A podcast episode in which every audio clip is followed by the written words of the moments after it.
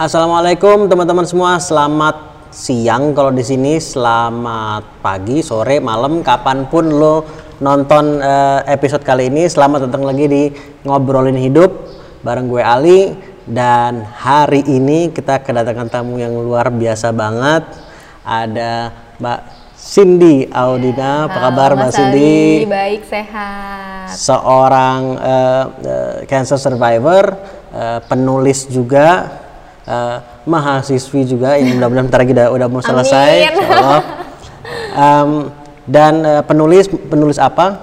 Uh, bukunya uh, nama tengahku mujizat atau kalau lo cari versi bahasa Inggrisnya juga ada Miracles My Middle Name dan nanti di mana nyarinya kalau apa mau tahu lebih banyak sambil kita ngobrol nanti lo cari tahu juga dan uh, buat teman-teman semua sekali lagi kalau lo yang uh, haus inspirasi haus perubahan yang lebih baik uh, tongkrongin terus uh, channel ini uh, comment like subscribe anything um, gue nggak mau terkesan terlalu formal pokoknya yang penting lo tahu mudah-mudahan ini bisa bermanfaat dan mudah-mudahan bisa dimanfaatkan. Gue sih yakin begitu. Kenapa?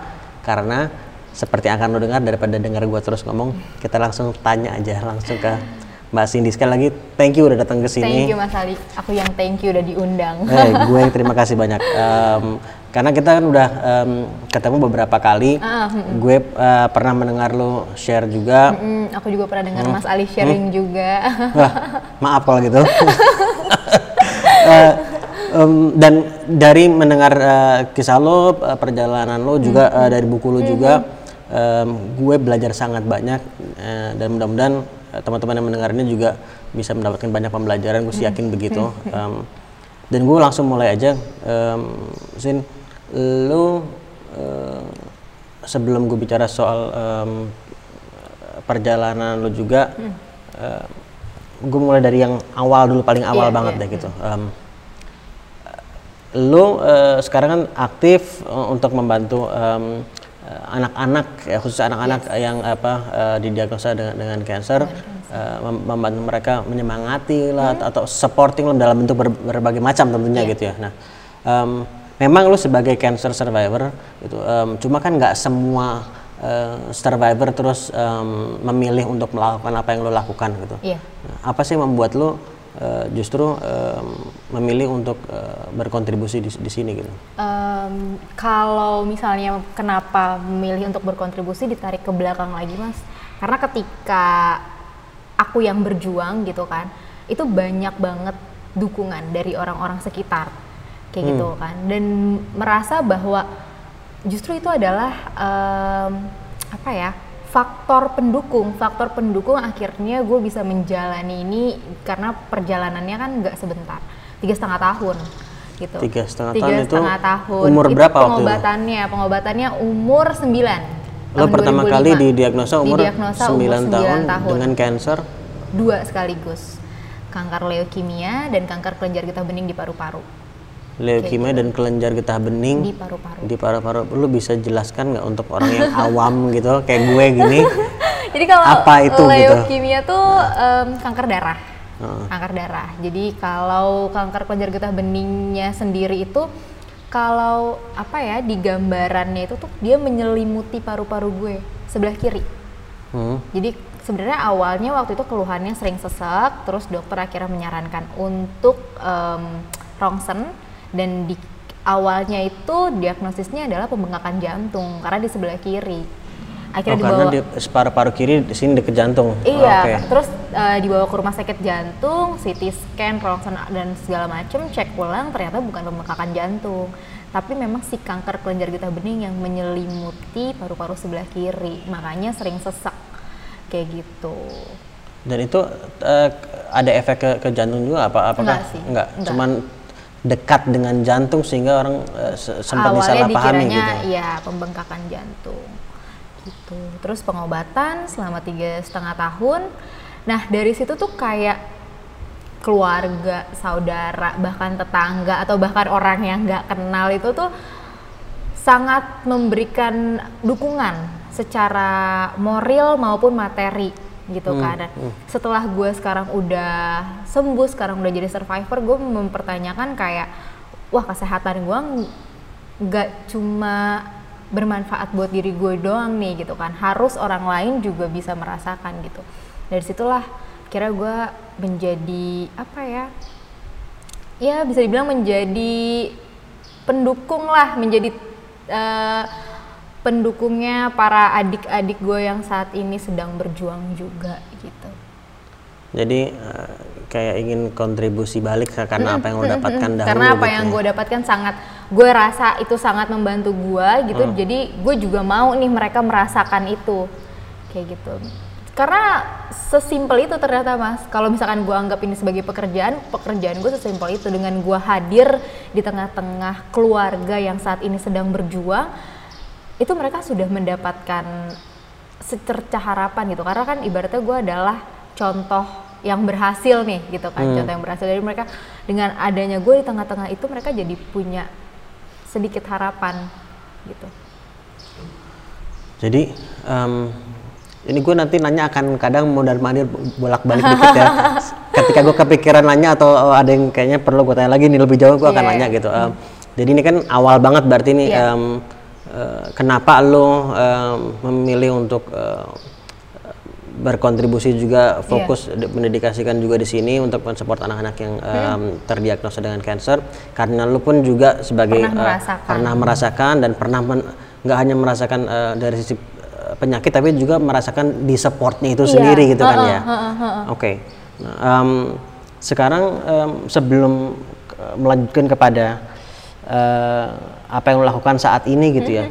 Uh, bisa nggak lu share juga mungkin uh, gue ter terkait saat lu memulai uh, pengobatan itu dari, dari mulai didiagnosa hmm. lu kayak tadi lu bilang awalnya sesak-sesak dan itu masih umur 9 tahun 9 gitu kan. tahun. kan hmm. um, kayak gimana mungkin masih bingung untuk apa iya, gitu jadi nih kalau kita cerita dari awal ya mas cerita hmm. dari awal tuh gue uh, umur 9 tahun terus kelas 4 SD itu tuh yang berat badan menurun terus nggak nafsu makan kayak gitu kan gue dulu kecilnya tuh apa ya cicilan cicilan oh. lari sana lari sini dan gue ikut taekwondo bahkan.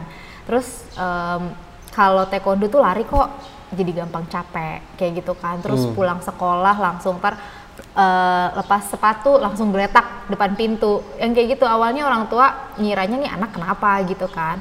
Terus pernah uh, satu ketika tidur siang yang sampai kayak lemes banget dibawa ke rumah sakit akhirnya dokter awalnya ngiranya tifus hmm. tifus, cek darah dan segala macam. Barulah di situ ditanya keluhan apa lagi ya. Gue bilang gue sering sesek nih gitu kan. Terus kira di rongsen, dikira pembengkakan jantung, dibawa ke rumah sakit jantung. Di sana cek ulang dan segala macam, ternyata itu uh, si cairan kelenjar getah bening itu. Hmm.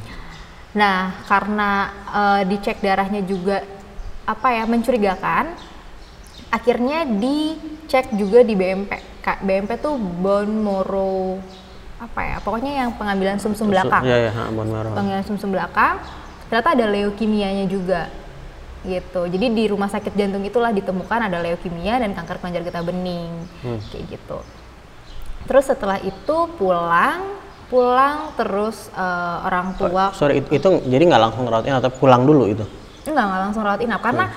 keluarga uh, bicara katanya dibawa ke Penang yang bagus kan? Hmm. bawa ke Penang terus akhirnya kita ke Penang terus uh, cek dulu semua.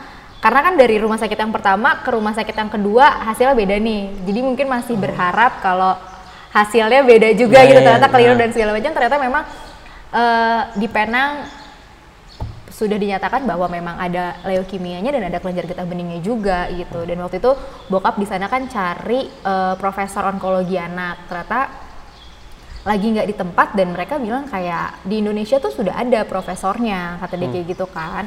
Terus um, dan gue waktu itu di sana panas tinggi sampai 42 derajat itu udah yang kejang dan nyokap juga mungkin mikirnya kalau nih anak kenapa kenapa di negara orang kan lebih susah ya. Uh -huh. akhirnya dibawa pulang lagi ke Indonesia baru kita ke rumah sakit Cipto. Di situ gue ketemu sama Prof. Jaya bokap ketemu Prof. Jaya. Dicek ulang lagi di Cipto dan memang tidak bisa dipungkiri si kanker itu ada gitu. Dan akhirnya itulah di situ di Cipto langsung masuk uh, tiga bulan nonstop.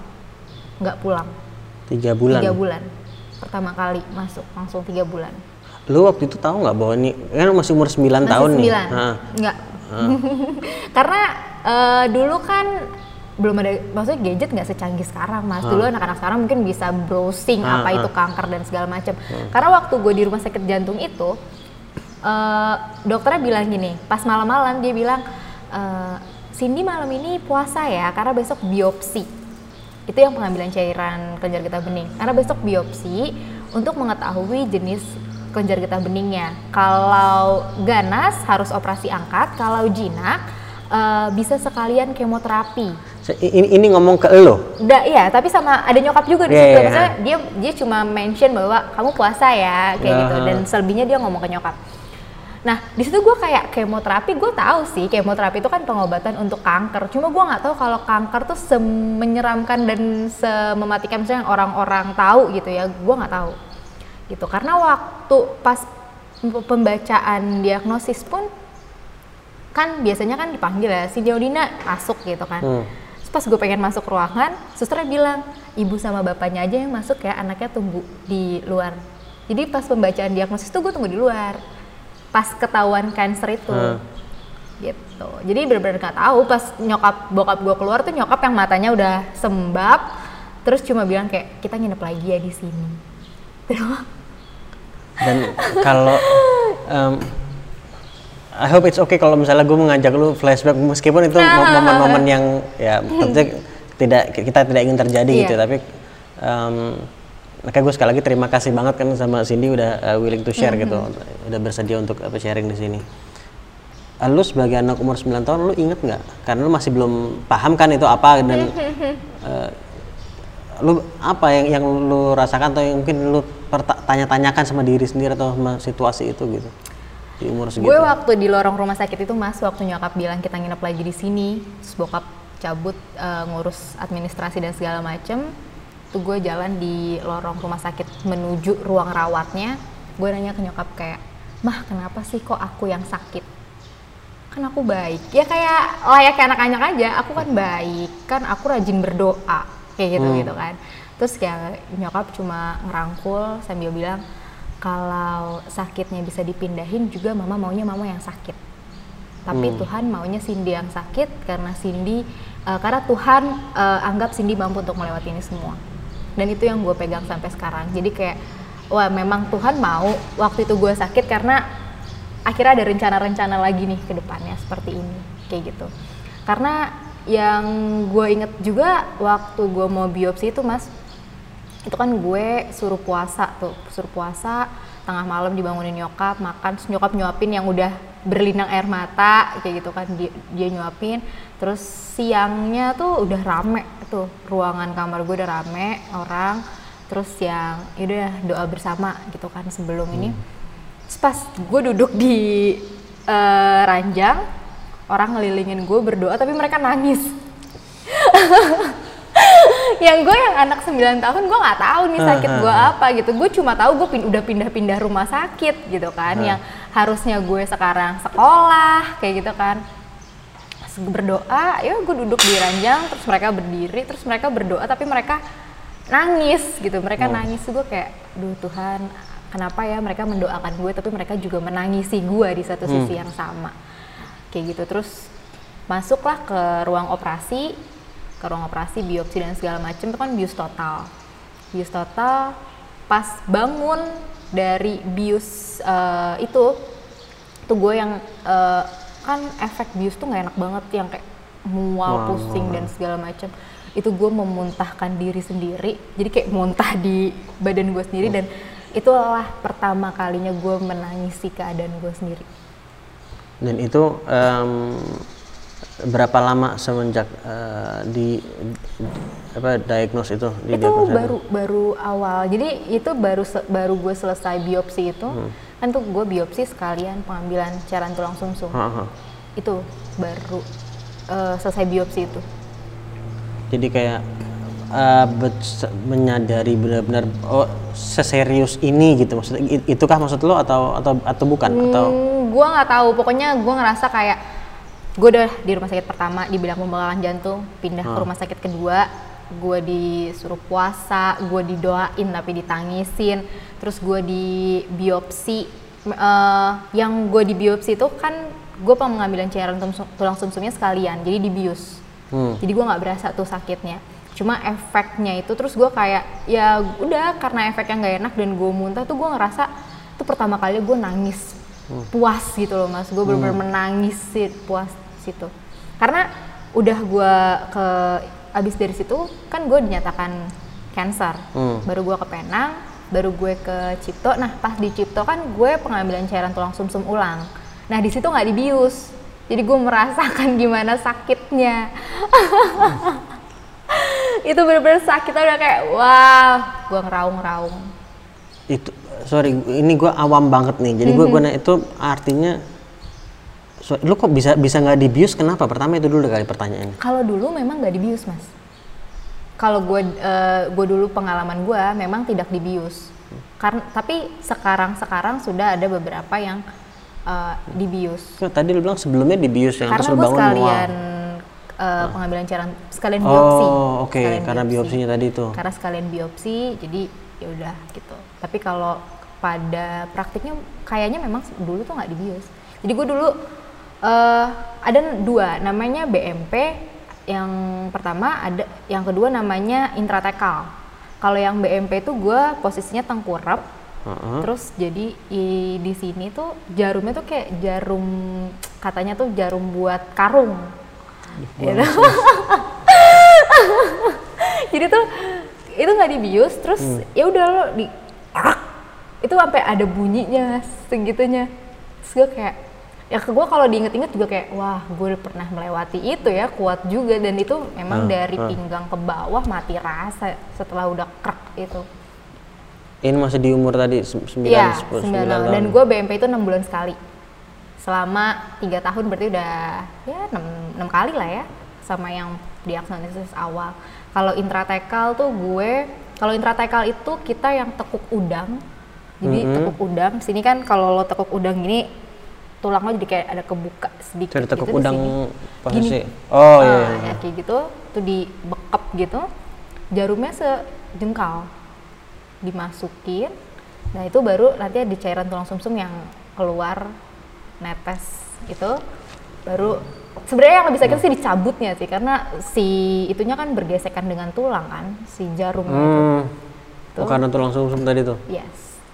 Dan dan itu tuh gue ada ada fase misalnya dalam uh, apa namanya dua minggu sekali ada jadi tuh kita tuh kalau cancer tuh ada protokolnya kan hmm. ada yang kemo infus nih terus ada yang si intratekal itu misalkan dalam uh, satu setengah bulan itu dia dua minggu sekali kayak gitu hmm. nah gue udah kalau udah jadwalnya itu udah stres hmm.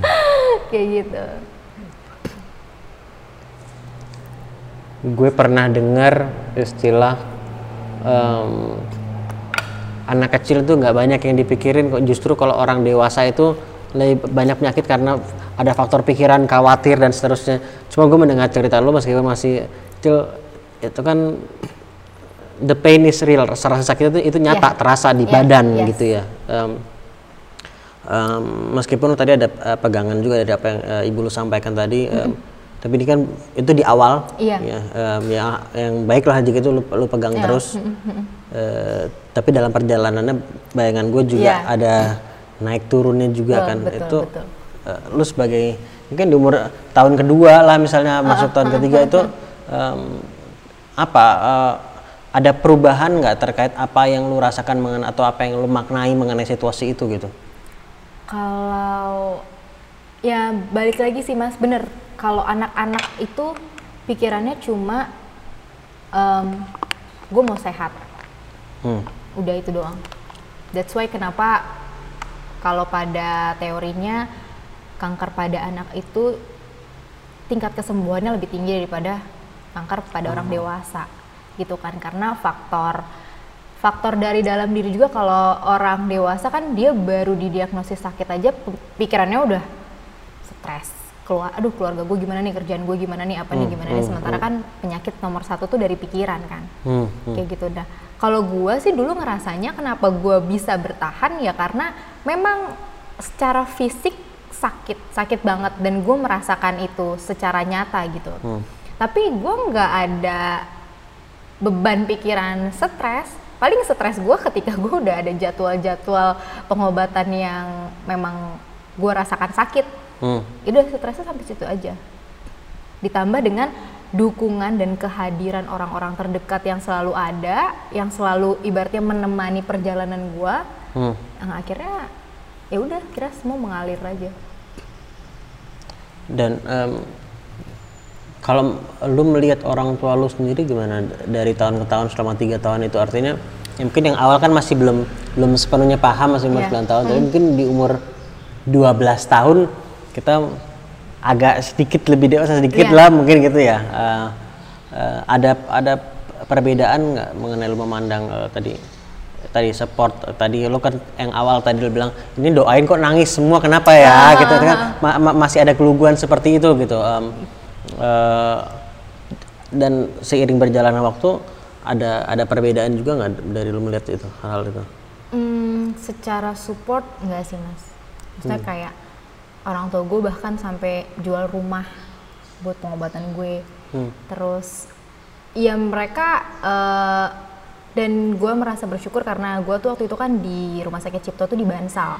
Kelas 3 itu isinya sekitar 14 orang. Sebelah kanan gue itu eh, cuma bapaknya yang ngurus bapaknya pun udah tua.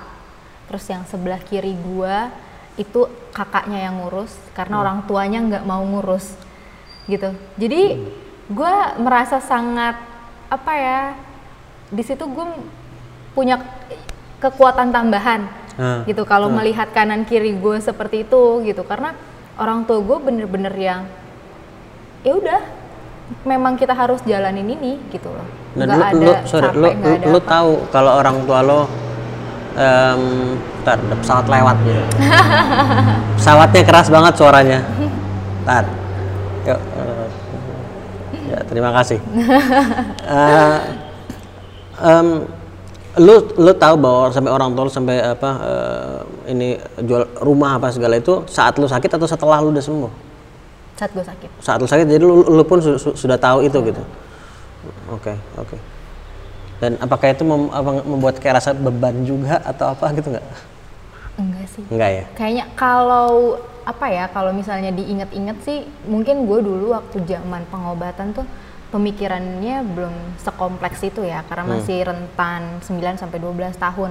Tapi kalau misalnya sekarang terus gue flashback lagi dan gue inget-inget lagi barulah gue mulai berpikir berpikir berpikir terus kayak em, kenapa gue dulu kayak gitu terus sekarang gue sekarang eh sekarang gue seperti ini dan segala macam ya itu kan juga proses pemikiran gue yang setelah gue sembuh kayak gitu. Gue baru bisa memaknai alasan kenapa gue dipilih untuk sakit ya baru setelah sembuh gitu.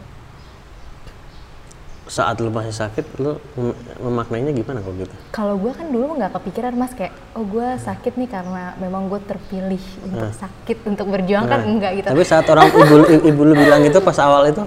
Ya ya gue percaya aja namanya Ah. anak-anak Ah. gitu kan kayak ya karena eh, Tuhan tahu kok kamu kuat ya udah jalanin Ah. aja cuma kan nggak nggak yang dicerna Ya, ya, ya, ya. dimaknai kayak gitu ya ya ya, ya. Ah, oke kalau gue kan kalau sekarang tuh bisa lebih oh le- lebih dimasak lah maksudnya kayak Hmm. oh ya berarti gue dulu sakit tuh karena memang ada rencana-rencana nih ke depannya kayak gitu dan saat ini lo memaknainya apa rencana itu banyak banget kayak gue waktu itu em, awalnya gue sekolah di sekolah swasta gitu kan. Terus akhirnya gue harus gue cuti sekolah satu tahun. Akhirnya gue pindah ke sekolah negeri deket rumah.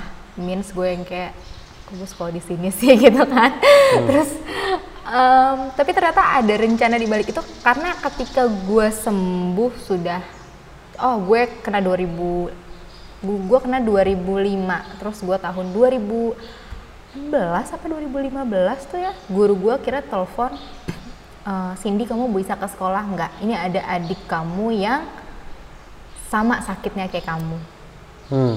Akhirnya gue temuin Eh, SD ini kan sekolah SD, ya sekolah Ah, SD, sekolah ah. SD. Gue temuin, terus gue kasih buku, terus uh, guru gue juga ngobrol ke orang tuanya karena orang tuanya tadinya tuh yang tidak percaya pengobatan medis Oke. itu terus masih nggak percaya kayak maksudnya kanker tuh masih yang bawanya ke alternatif sana sini kayak Hmm. gitu dan akhirnya dengan dengan sharing kayak gitu mereka mereka akhirnya memutuskan untuk berobat gitu Hmm. nah jadi gue berpikir bahwa oh ternyata ini toh rencananya kenapa gue harus pindah ke sekolah ini karena belasan tahun kemudian gue akan dipanggil lagi untuk menjadi apa ya menjadi informasi mungkin ya menjadi sumber informasi bahwa kanker itu bisa disembuhkan kok asal diobati secara cepat dan tepat kayak Hmm. gitu dan banyak hal maksudnya kayak gue lebih ke yang oh ya ya udahlah nggak apa-apa kalau gue dulu nggak sakit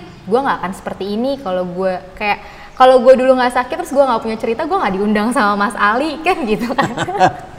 Kalau gue dulu nggak sakit gue nggak punya buku dan gue nggak bisa melakukan hal-hal yang saat ini telah gue lakukan. Kayak gitu sih mas. Hmm.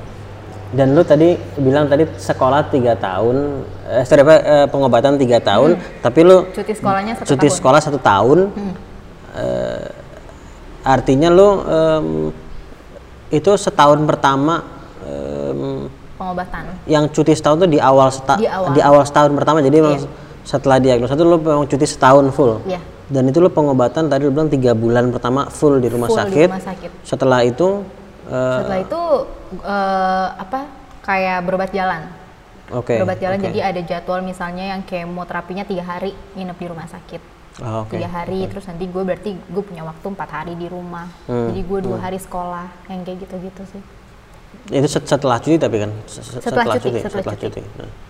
Nah, itu ketika lu masuk sekolah itu eh, kan berarti lu masih dua tahun nih sekolah em, selama masa pengobatan Hmm, itu. Nah, itu badan eh, seperti apa rasanya dan juga sekolah anak-anak lain lihatnya gimana karena kan masih masih SD Iya, juga iya. tuh.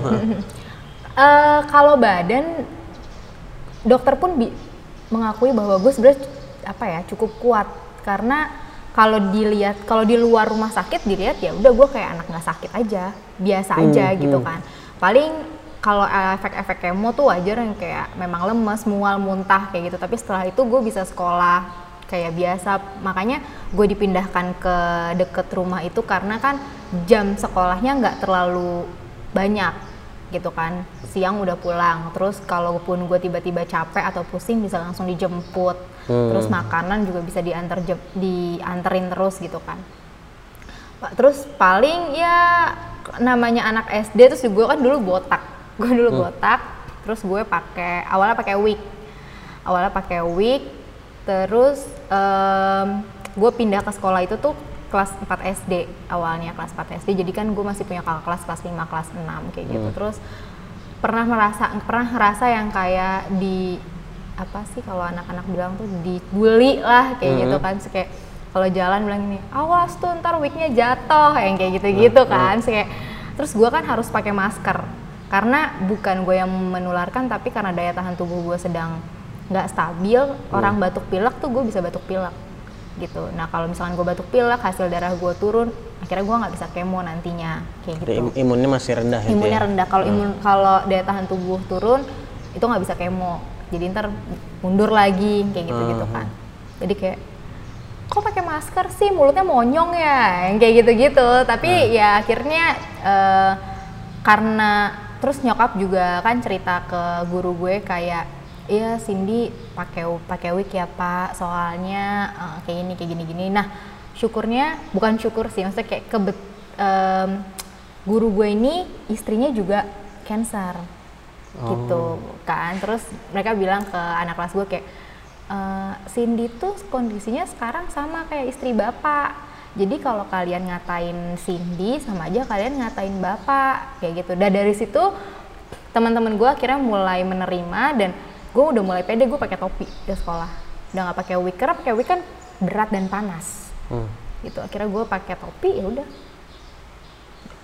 Dan eh, saat awal-awal itu lo sempet kayak bullying-bullying gitu lo respon lo awalnya kayak gimana tuh? diem aja. Diem. Ya paling kalau ya nahan-nahan nangis tapi gue nggak pernah mau bilang ke orang tua. Hmm. karena orang tua gue apalagi waktu awal-awal kan sangat-sangat protektif gitu kan. Bisa-bisa gue nggak disekolahin nanti. Sementara gue tuh pengen banget sekolah. Ah, justru tadinya tuh bokap bilang gue untuk cuti satu tahun lagi. Tapi gue nggak mau. Gue sampai bilang ke sampai nanya ke dokter dan dokter bilang kayak ya kalau kamu anggap eh, bisa silahkan tapi harus bisa menjaga diri gitu kan. Terus kayak bokap gue emang nggak mau setahun lagi? Kayak, enggak orang dokter bilang aja boleh. Lagi gue kayak gitu nyautin ya dan gue kayak kalau misalnya nanti gue ngadu ntar yang ada nyokap gue takut takut gue apa ya ngedown kali ya. Terus kayak udahlah nggak usah sekolah lagi ntar malah Iya. digituin kan. Jadi gue udah gue santai ya. Jadi gue tunjukin aja bahwa gue tuh happy sebenarnya di sekolah. Tapi memang terlepas dari itu sebenarnya gue happy sekolah. Karena kan gue juga sebenarnya anak-anak yang waktu itu butuh main. Tapi semen- tapi gue cuma ke rumah sakit ke rumah sakit doang kan bosen juga gitu. Eh. kayak dia balik lagi ada yang ketinggalan. Nah, pesawat ada yang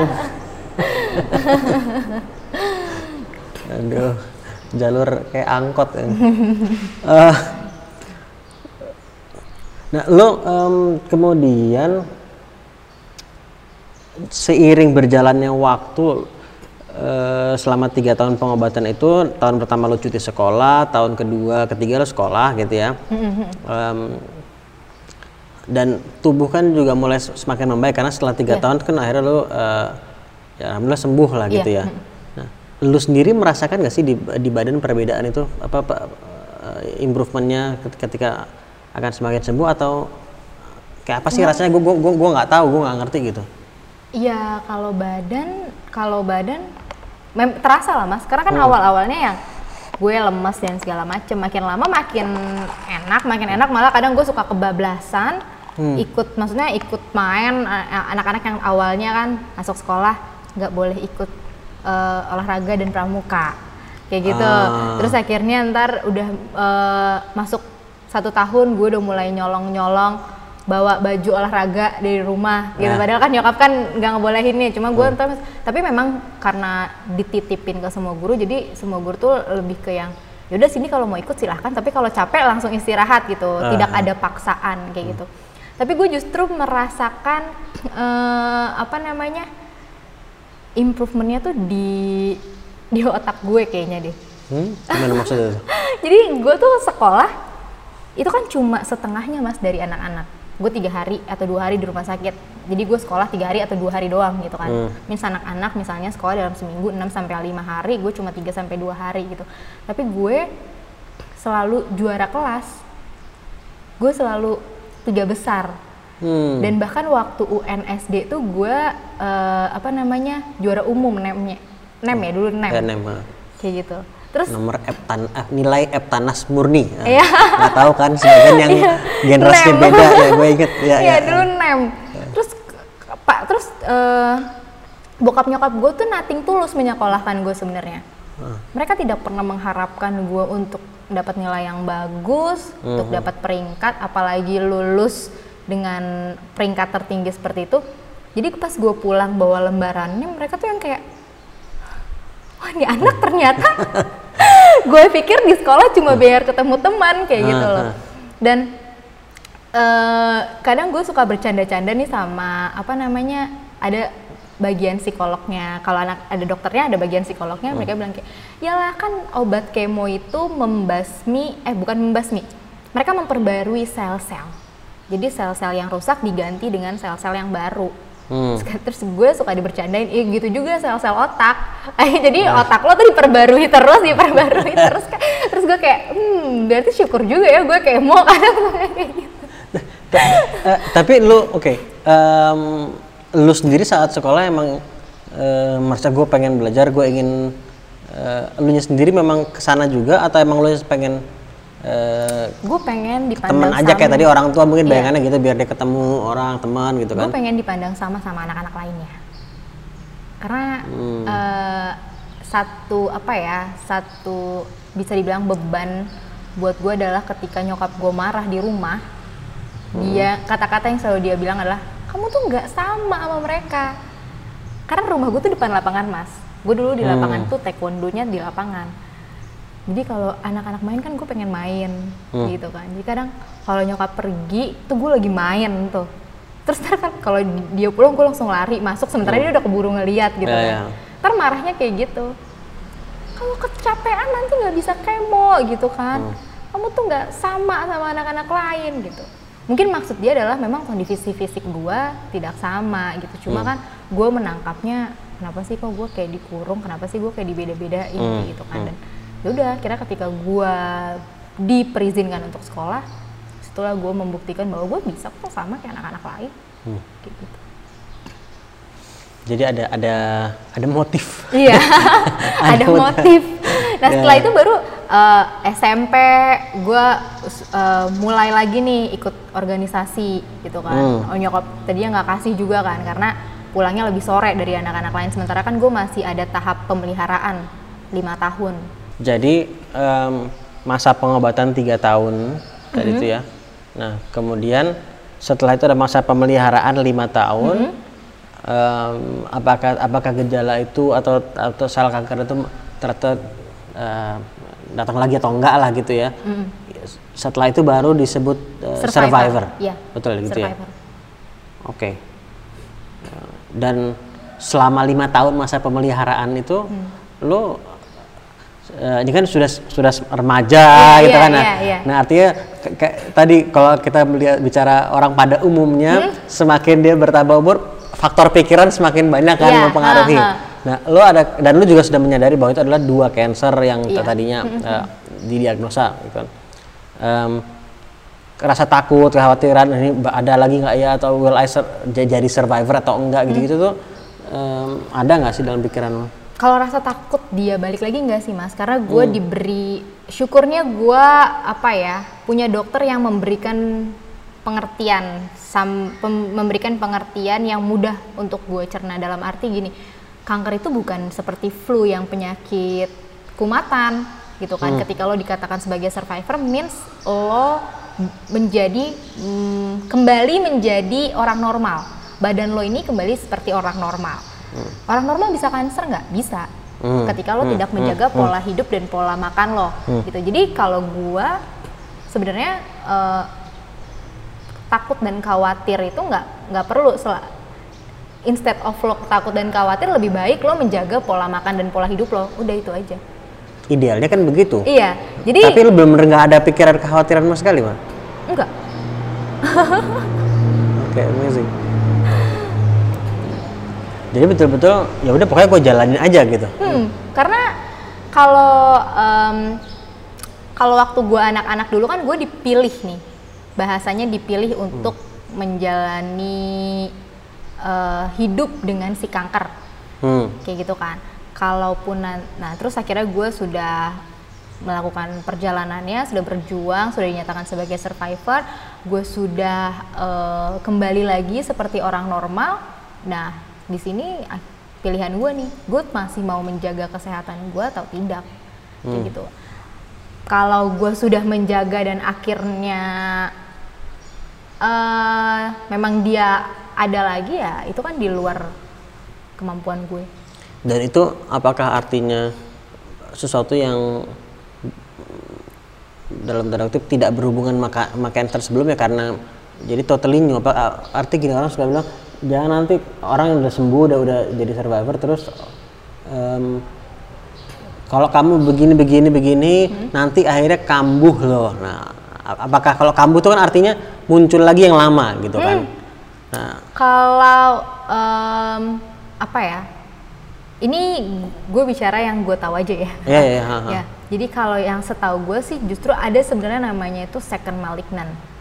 Itu cancer kedua yang disebabkan karena pengobatan cancer yang sebelumnya. sebagai side effect itu maksudnya atau bukan Iya side effect tapi yang long term mungkin ya Hmm. bisa dibilang seperti itu karena eh, memang ada, memang ada. Ini nggak bisa dipungkiri memang ada tapi memang eh memang kecil tapi ada kemungkinannya Hmm. memang kecil tapi ada gitu. Jadi misalnya sebelumnya dia eh, leukemia terus dia sudah survivor sembuh dan segala macem 10 tahun lagi uh, akhirnya dia hmm, mungkin larinya ke kemarin tuh ada temen gue dia leukemia larinya ke hati kayak Hmm. gitu gue juga Muncul sebenarnya jadi cancer di, di hati gitu maksudnya.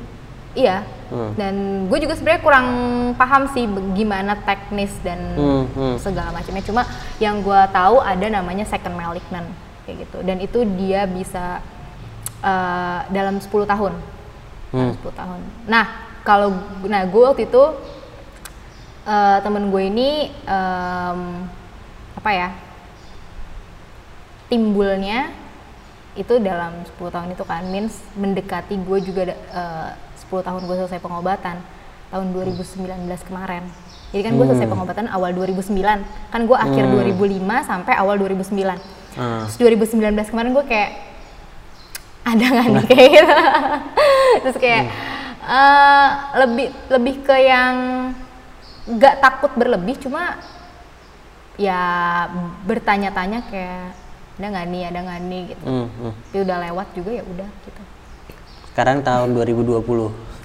sekarang tahun Kita rekaman ini 2020. bulan Agustus Bulan 2020. Agustus 2020. Oke. Oke. hmm. Nah, sekarang eh, menjalani eh, hidup setelah menjadi eh, resmi survivor lah gitu ya. Hmm.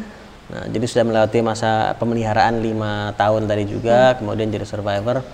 Em, seperti apa orang masih suka kalau orang yang tahu lo, lo, lo kan termasuk orang yang eh, share juga, lo Iya. lo terbuka bahwa lo adalah gua survivor, survivor. gitu. Nah, kan nggak semua orang seperti itu. Ha-ha. Nah, em, ketika eh, ada orang yang eh, ketika lo share gitu, ada nggak orang yang responnya apakah ada yang negatif juga atau kayak gimana sih pada umumnya lah gitu? pada umumnya sebenarnya eh, lebih banyak respon positif Hmm. lebih, lebih banyak respon positif mereka jadi lebih paham bahwa oh kanker itu bisa sembuh menurut gua dengan eh, setiap gua ketemu orang dia punya eh, akhirnya dia punya pemikiran seperti itu menurut gue tuh sudah cukup banget gitu loh. Maksudnya kayak satu hari satu orang satu hari satu orang yang akhirnya berpikir kanker bisa sembuh kanker bisa sembuh kanker bisa sembuh menurut gue itu udah cukup banget respon seperti itu. Tapi di sisi lain eh, yang gue sadari di usia sekarang ternyata ada juga respon negatif. Respon negatifnya apa? Dalam hal pemilihan pasangan kayak gitu Pemilihan pasangan. maksudnya kayak Nyambungnya ke mana nih? akhirnya akhirnya gue eh, menemukan fakta-fakta bahwa ada beberapa ada beberapa golongan orang yang masih berpikiran bahwa kanker pada anak adalah penyakit menurun dan akhirnya survivor-survivor seperti gue dan teman-teman tidak laku maaf, gue boleh nggak nanya nih? eh, apakah lu mengalaminya juga atau? pernah mengalami dan pernah mendengar cerita true story-nya. Kalau gue kan mengalami hal yang masih gue kira-kira. Maksudnya gue gue mengira-ngira bahwa kayaknya eh, dia nggak jadi mau sama gue gara-gara itu gitu. Ah, Kalau gue ah. kan masih mengira-ngira. Tapi gue pernah mendengar cerita eh, langsung. Jadi ada perempuan dia survivor cancer, dia sudah dia sama pasang eh, dia sama katakanlah pacarnya udah udah pacaran udah mau ke jenjang yang lebih serius ketika si orang tuanya ini orang tua laki-lakinya ini tahu bahwa si perempuannya ini survivor cancer orang tuanya bilang jangan nikah sama ja- eh, jangan nikah sama orang yang pernah kanker nanti anaknya kanker juga. Terus gue kayak hmm masih segitunya ternyata pemikiran orang gitu. Dan gue waktu itu cerita sama temen gue di movie maker terus dia ngomong gini lo tau nggak selama lo cerita gue berpikir apa? Kata dia gitu. Gue berpikir kalau ini ada dalam sebuah film kata dia. Katakanlah akhirnya si anaknya ini kan nggak jadi menikah sama si survivor cancer ini kan. Hmm. saya kira si survivor cancer ini menikah sama laki-laki lain punya anak sehat walafiat. Terus eh, akhirnya si laki-laki ini menikah dengan perempuan yang tidak pernah kanker namun akhirnya Anaknya anaknya kanker. Terus kata temen gue gini kira-kira naskahnya skripnya kata-kata penyesalan seperti apa yang ibu ini katakan kepada Tuhan? Gue langsung kayak wah iya ya. Dan gue dari situ belajar bahwa gue nggak eh, bukan dalam hal ini doang tapi di hal-hal lain untuk tidak menjengkali nasib orang. Maksudnya menjengkali kayak ya si ibu tadi bilang jangan menikah sama orang yang pernah kanker ntar anaknya kanker juga gitu. Karena lo nggak tahu apa yang akan terjadi di depan gitu kan. Yang Hmm. lo cegah-cegah ternyata kejadiannya sama lo gimana? Kan kayak Hmm. gitu.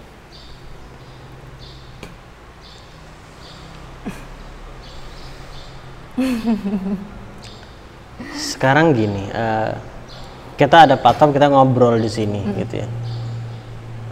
Bisa jadi atau gue mau bilang sangat mungkin Iya. bukan si ibu itu aja yang punya pikiran kayak gitu jangan-jangan kan? betul betul betul Eh, menurut gue ini bagian yang penting bagian dari kita mengedukasi masyarakat juga. So sebenarnya yang benar kayak gimana sih untuk orang yang eh, yang berpikiran seperti itu? Kalau dari kita tadi ngobrol, itu tuh sebenarnya nggak benar gitu kan? Iya. Nah kenapa nggak itu nggak benar? Karena gini, kalau gue dokter gue sendiri bilang, terus waktu itu gue pernah ikut seminar, ada dokter berkata demikian rupa juga, dan gue sempat ngobrol juga sama Kak Denada yang dia pengobatannya di Singapura, bahkan dokter di Singapura juga bilang, mungkin memang seperti ini teorinya. Jadi kanker pada anak itu empat hal, Hmm. bukan penyakit menular, bukan penyakit menurun, tidak diketahui secara pasti apa penyebabnya, dan tidak dapat dicegah. Makanya dari situ gue selalu bilang, dari situ gue menyimpulkan bahwa ya gue memang dipilih untuk sakit kanker. Karena tidak bisa dicegah dan tidak diketahui secara pasti apa penyebabnya. Kalau untuk anak-anak, karena ada anak-anak baru 9 bulan udah cancer. Kita kan nggak tahu dari mana. Hmm. Bahkan dokter gue pernah, bahkan dokter gue pernah eh, ada apa namanya orang tua muda bilang konsultasi bagaimana cara mencegah supaya anaknya sehat walafiat. Memang semua orang tua maunya anaknya sehat walafiat gitu kan. Tapi dokter gue bilang gini, ibu berapapun biaya yang dikeluarkan untuk mencegah nih si apa namanya babynya ibaratnya menjadi garansi jaminan Hmm. ketika dia lahir bahkan sampai dia umur dewasa tidak dikatain kanker itu nggak bisa ketika Tuhan sudah memilih dia untuk kanker ya karena tidak bisa dicegah dan tidak diketahui secara pasti Untuk apa anak-anak ya, artinya untuk anak-anak. orang dewasa masih bisa dicegah gitu. Yes. Artinya gitu ya. Oke. Dan tidak dan tadi tiba tidak menurun tadi tuh yang tidak menurun dan tidak menular Hmm, dan tidak menular dan apakah itu untuk anak-anak tadi itu kan spesifik banget apakah Iya. kalau untuk orang dewasa itu gua sejauh yang lu tahu atau lu nggak tahu sejauh yang gue tahu se- seharusnya untuk orang dewasa juga kanker itu tidak menular Hmm, hmm. gitu bukan penyakit menular gitu bukan kan penyakit menular ya ya oke dan menurut gue ini sangat penting juga agar Iya. eh, ya tadi untuk eh, menghancurkan stigma seperti tadi gitu Betul. kan ya, Karena memang sekarang eh, gue juga kan punya komunitas para survivor nih, Hmm. yang memang kita dulunya anak-anak yang pernah cancer, akhirnya kita ber- punya komunitas. Memang sekarang fokus kita adalah awareness untuk masyarakat-masyarakat pada Hmm. umumnya kayak gitu. Karena eh, kalau gue mungkin gue pernah ditanya sih sama apa namanya ada produser dia tanya Mbak Cindy eh, takut nggak sih meng, apa namanya mengalami penolakan? Hmm. karena kan stigma masyarakat masih seperti ini gitu. Bahkan dia sendiri yang menyadari bahwa stigma masyarakat masih seperti ini tanpa gue pernah cerita kayak gitu. Ah. berarti kan dia memang mengalami dong di lingkungannya. Iya nggak sih?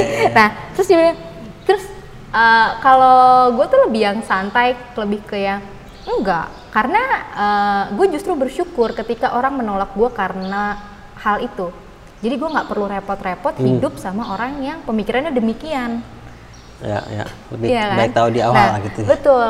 Nah, terus ya kayak gitu. eh nah, di sinilah kita menyadari bahwa gue menyadari bahwa tapi nggak semua orang pemikirannya dan mentalnya mungkin sama kayak gue. Kalau gue mungkin kayak ya udah kalau lo nggak mau sama gue kayak gitu Hmm. kan. Itu kan kenyataannya nggak kayak gitu juga gitu. Tapi kan ada orang yang sampai kepikiran, sampai Nah. akhirnya em, rendah diri, Hmm. sampai akhirnya malu untuk kembali lagi ke apa namanya ke lingkup sosial gitu karena kayak yang tadi Mas Ali bilang ke- kenapa gue memilih untuk berkontribusi dan memilih untuk kasarnya memamerkan bahwa gue adalah survivor di saat nggak semua orang Hmm. mau mau mengakui dirinya sebagai survivor. Bahkan ada yang menutupi dirinya bahwa ya udahlah yang penting gue selesai pengobatan. Orang-orang nggak perlu tahu kalau gue dulu pernah sakit. Nah karena itu mereka nggak siap untuk kembali ke masyarakat dan nggak siap untuk menerima stigma-stigma tersebut. Kayak gitu Dan sekarang yang lo lakukan jadi apa? Lo eh, aktif di Yayasan, eh, Yayasan- Onkologi Anak Yayasan Indonesia. Onkologi Anak Indonesia Em, Terus di bawah, jadi di yayasannya itu kan pendirinya tuh para ibu-ibu yang dulu anaknya sakit, Hmm. terus sekarang sembuh. Jadi uh, ucapan syukur mereka adalah dengan membuat yayasan itu, hmm. kayak gitu. Nah terus sekarang kita di bawah naungan yayasannya itu kita bikin komunitas namanya Cancer Buster Community. Itulah Cancer Buster Community. Itulah uh, komunitas para penyintas kanker anak. Jadi eh, orang-orang yang mungkin sudah agak lebih dewasa tapi saat mereka anak-anak ya mereka eh, Mereka pernah per- kanker. pernah pernah cancer juga. Em, dan lo em, lo kan pernah cerita sama gue dulu juga Hmm. bahwa ya yang lo lakukan ini dan gue pun melihat lo sebagai orang yang em, punya apa ya kayak bahasa ini panggilan gitu ya. Eh, ya untuk kembali tadi kembali ke kontribusi mensupport eh, anak-anak yang juga mungkin eh, masih mengalami apa yang dulu lu pernah alami gitu kan. Em, dan apakah ini sesuatu yang ingin terus lu jalankan ke depannya? Karena lu kan punya pilihan melakukan berbagai macam hal kalau lu Iya, mau iya. gitu. Em, tapi apakah ke depannya ini akan tetap jadi fokus lu juga untuk supporting anak-anak yang eh, ya. Em, dan saat lo eh, eh, ketemu sama mereka itu em, anak-anak yang masih didiagnos atau mungkin orang tuanya gitu ya. Em, apa mungkin yang yang paling sering lo temukan gitu? Ada nggak sih hal-hal yang mungkin eh, paling sering lo temukan atau paling sering lo rasakan saat saat lo ketemu dengan eh, pasien atau Mereka. orang tua pasien gitu? Gue selalu merasa setiap gue ketemu sama mereka tuh gue bertukar energi positif. Jadi bertukar tuh nggak satu arah gitu loh mas nggak cuma gue yang memberikan mereka semangat nggak cuma gue yang sharing ke mereka tapi dengan mendengarkan sharing mereka lagi menjadi bahasanya menjadi telinga dan pundak untuk mereka justru di situ gue juga terisi kembali kayak gitu kan. Kayak misalnya gue pernah ketemu uh, anak terus gue tanya ya kamu mau apa? Terus dengan polosnya mereka jawab aku mau jalan. Terus gue kayak ternyata ke apa ya keinginan mereka tuh sesimpel itu loh. Sama halnya kayak gue dulu. Gue cuma pengen sembuh dulu. Gue cuma pengen sembuh biar gue bisa main. Biar gue bisa sekolah. Kayak gitu kan. Tapi ya namanya manusia. Terus gue udah mulai dewasa keinginan-keinginan duniawi gue jadi semakin banyak. Tapi dengan gue kembali mendengar hal-hal seperti itu bikin gue balik lagi kayak ayolah sin gitu kan apa sih yang lo kejar? Dulu lo pengen sembuh lo mau gitu kan. Eh dulu lo mau sembuh sekarang lo udah sembuh kayak gitu kan. Terus kayak yang dengan apa ya pertama itu dengan gue bertukar dengan mereka terus dengan gue menampakkan diri dan hadir di tengah-tengah mereka dan mereka kasih apa ya feedback bahwa "Hmm, terima kasih ya. Maksudnya cuma dengan sebatas makasih ya kak. Saya jadi percaya kalau apa namanya anak saya bisa sembuh. Itu gue ngerasa wah hidup gue nih benar-benar dipakai banget nih sama si pencipta kayak gitu. Karena doa gue selalu itu. Setiap pagi gue selalu berdoa. Hmm. pakai gue pakai gue pakai gue karena gue ngerasa kayak apa ya gue pernah dari yayasan ke kampus naik ojek. Hmm. tukang ojeknya nanya mbak mbak kerja di situ. "Ah, itu yayasan apa? Gue cerita yayasan kanker. Kenapa di situ? Karena saya dulu pernah kayak gini. Terus tukang ojeknya nanya gini mbak mbak pernah bertanya-tanya nggak dari sekian banyak orang yang sakit kanker kenapa mbak doang yang sembuh? Wow gue tengah hari bolong ditanya kayak gitu sama tukang ojek. Dan gue ngerasa kayak kalau gua nggak berguna nggak bermakna buat orang lain kayak pencipta juga kayak wah ngapain lo? Gitu gak sih? Kayak dari segi ya benar maksud gue itu dia dia teguran teguran yang sampai sekarang masih gue inget sekian banyak loh yang ya yang akhirnya pergi begitu aja karena si kanker ini. Sementara gue dikasih kesempatan masa gue cuma buat diri gue sendiri gue berpikir bahwa enggak ini berarti enggak berarti sehatnya ini bukan semata-mata dikasih buat gue doang Hmm. gitu Dan datang dari di saat-saat yang sama sekali nggak nggak disangka-sangka. Kan? Ya. Wow. gue punya mungkin satu dua pertanyaan yang sebetulnya template pertanyaan Hmm. ini.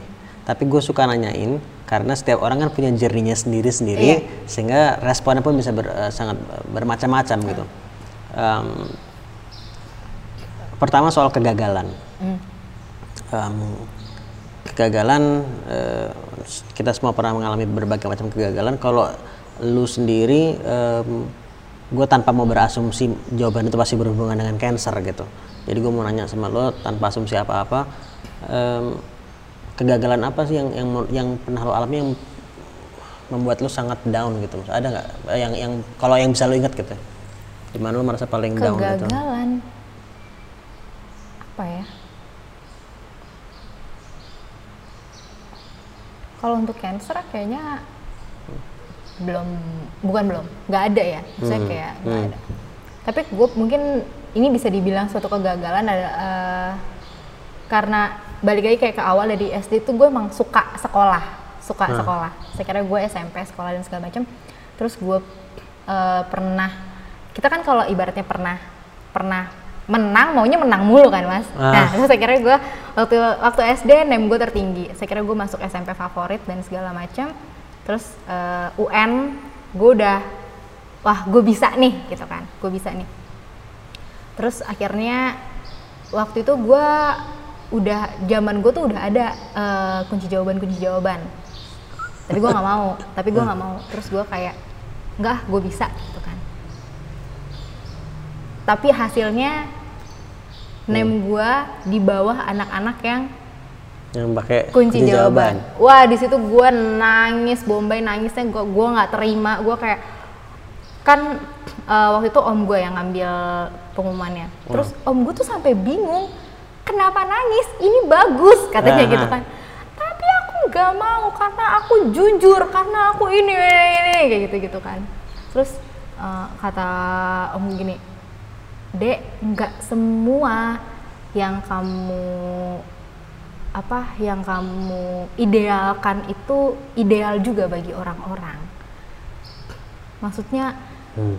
kalau kamu jujur, kalau kamu berusaha, kamu pasti akan ini enggak selalu. Memang idealnya kan seperti itu ya. Hmm. Kalau kita melakukan hal yang baik, hasilnya sih pasti baik. Tapi dan hasil dan yang gua tangkap hasilnya baik, tapi nggak saat itu doang. Tapi nggak mesti saat itu gitu loh. Ya. Bisa hasilnya baik, tapi di kemudian hari. Karena gua akhirnya karena teman-teman gue namanya tinggi-tinggi, mereka masuk negeri, adalah gue ambil sekolah pariwisata Hmm. akhirnya gue ambil sekolah pariwisata swasta gue ambil sekolah pariwisata swasta dan gue bisa apa ya eh, berprestasi lagi akhirnya di situ.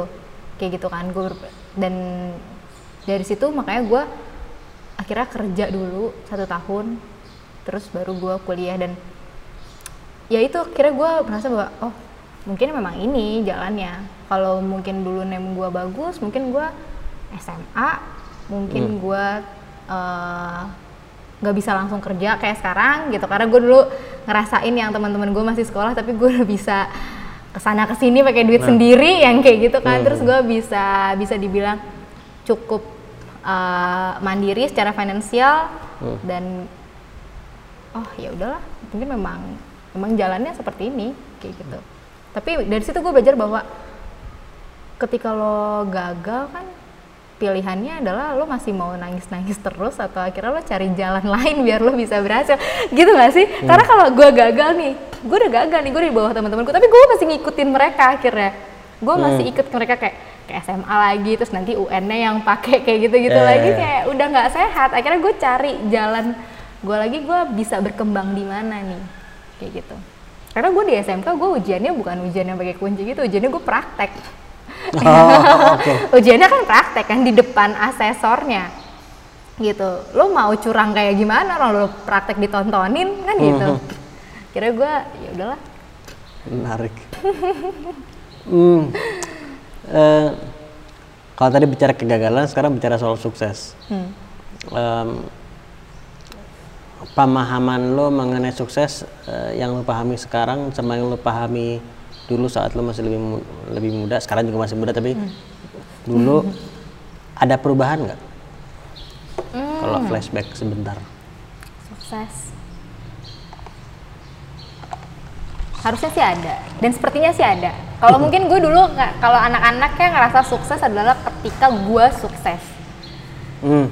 ketika diri Oke. gue sukses tapi kalau buat gue sekarang sukses berhasil adalah ketika apa yang lo lakukan itu bermanfaat bagi orang lain itu dapat dirasakan oleh banyak orang Saat itu lo merasa sukses. yes Hmm. gue hmm, ya gue bisa bilang kayak sukses suksesnya gue tuh bukan gue sekali maksudnya gue sukses nih gitu Hmm. kalau mungkin penulis boom bukunya Paris manis. Hmm. banyak ini sukses gitu. Justru kesuksesan gue adalah ketika ada yang baca buku gue dan mereka say thanks dengan kak aku udah baca bukunya. Akhirnya aku merasakan bahwa hidup tuh seperti ini aku lebih bersyukur kayak gini kayak gini kayak gini. Itu kesuksesan gue sebagai penulis. Lebih banyak yang em, pembaca buku lo apakah eh, kalau dari yang lo tahu gitu maksud gua apakah lebih banyak eh, mereka yang i- baik pasien ataupun keluarga pasien atau lebih luas? Mungkin 60 40 hmm. 60 yang eh, pasien dan orang tua justru banyak juga yang tidak ini ya tidak dalam ranah perkankeran itu kayak gitu. Gue gue termasuk orang yang membaca bukunya dan eh, alhamdulillah dan insya Allah bukan termasuk orang yang apa namanya either ya terkena maupun keluarga apa Iya, itu ya iya, mudah-mudahan insya Allah gitu amin. Amin. Em, dan ini pun buku yang amat sangat eh, luar biasa keren. Gue juga gue ada kesempatan sekarang. Gue pernah menyampaikan sama lo dan gue mau menyampaikan lagi tuh say thank you juga lo menulis buku ini. Karena menurut gue ini pembelajaran buat siapa pun juga. Em, eh, gue ada satu pertanyaan lagi nih apa mas Eh, kalau gue lihat ini ini pertanyaan kayaknya agak nyeleneh sedikit. Gue ngelihat em, lu di Instagram itu lu nggak ada profile picture-nya ya. gue tuh sampai mikir ini nih Cindy ini lupa masang profile picture atau sengaja tapi kok kayaknya kalau lupa kayaknya nggak mungkin masa atau lupa bertahun-tahun ya Ah, ah. gue memang sengaja tidak Emang pakai bener sengaja iya, kan ya? sengaja tidak pakai profile picture di hampir semua sosial media gue Oke. Facebook, Instagram, bahkan WhatsApp juga tadinya nggak pakai. Hmm. Cuma karena WhatsApp kan lebih ke kontak ya, biar orang lebih gampang kenal atau apa. Karena menurut gue profile picture itu uh, first impression orang ngelihat kita, Hmm. gitu mas. Dan gue masih apa ya, gue masih gue nggak mau menunjukkan, menonjolkan contoh misalkan gue pasang profile pictures ketika gue jadi pembicara gitu tapi Hmm. gue kan nggak melulu itu gitu loh Gitu. jadi ketika lo pengen tahu gue ya lo lihat aja feeds Instagram gue atau lo lihat aja isi Facebook gue gitu Hmm. karena itu pun gue terapkan ke orang lain maksudnya kayak kalau orang contoh misalkan teman gue ada yang mau minta dikenalin gitu kan. Hmm. "Eh, ini dong coba dong kirim fotonya gitu. Gue nggak mau kirimin satu foto. Aha. kayak lo lihat aja Instagramnya dan lo nilai sendiri gitu. Karena kan foto itu kan merepresentasikan seseorang ya. Hmm. takutnya gue salah kirim gue kirim dia yang misalkan lagi eh, terlihatnya kayaknya orangnya selengean deh gitu kan. Ah. padahal sebenarnya nggak juga. Hmm, kalau lo lihat foto yang lain dia juga ada yang lebih ini kayak gitu sih kayak gue gak pakai profile picture Ada nggak yang nanya itu semua selain gue ada nggak? kayak nggak ada deh Hah? Nggak ada?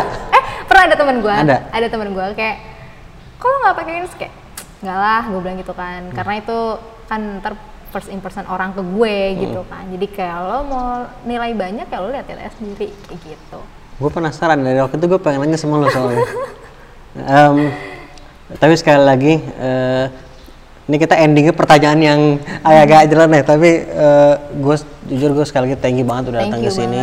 terima kasih udah sharing. Eh, again gue dapat pembelajaran-pembelajaran baru dari lo Em, dan gue yakin semua yang eh, nonton juga mm, dan mendengarkan juga bisa eh, mendapatkan pembelajaran yang bermanfaat dan mudah-mudahan juga dimanfaatkan, Dimanfaatkan. ya kan? Nah eh, buat lo yang mau eh, eh, tahu lebih banyak mengenai sini lo juga bisa lihat kalau lo nonton ini di YouTube karena ini ada di eh, Spotify juga. Nah, jadi kalau di YouTube em, lo lihat ke bawah di bagian description lo bisa ngeliat eh, eh, info mengenai eh, sini juga Instagramnya juga di mana. Memang nggak ada profile picture-nya jadi kalau lo lihat lo ini bener nggak sih akunnya? itu bener gitu. justru yang Eh, bener adalah yang nggak ada yang nggak profile ada picture-nya. Nah, em, dan kalau lo mau tahu lebih banyak nanti lo bisa lihat mengenai eh, buku ini juga eh, nama tengahku mujizat versi bahasa Indonesia dan juga sekarang ada versi bahasa Inggrisnya juga ya. Nah, So em, sekali lagi thank you so much. Thank you so much, sudah hadir di sini em, sudah meluangkan waktunya eh, dan datang satu jam lebih awal sebelum interview dimulai way nih gue buka gue kaget tadi. so Iya. terima kasih banyak Terima kasih juga, Mas Ali. thank you thank you so much dan buat teman-teman semua juga men eh, jangan lupa eh, komen like subs- eh, subscribe subscribe. Wah, anyway em, jadi eh, setiap kali ada video baru juga dapat notifikasi juga. Dan em, kita ketemu di episode selanjutnya sekali lagi. Terima kasih. Assalamualaikum. Thank you. Thank you mas Ali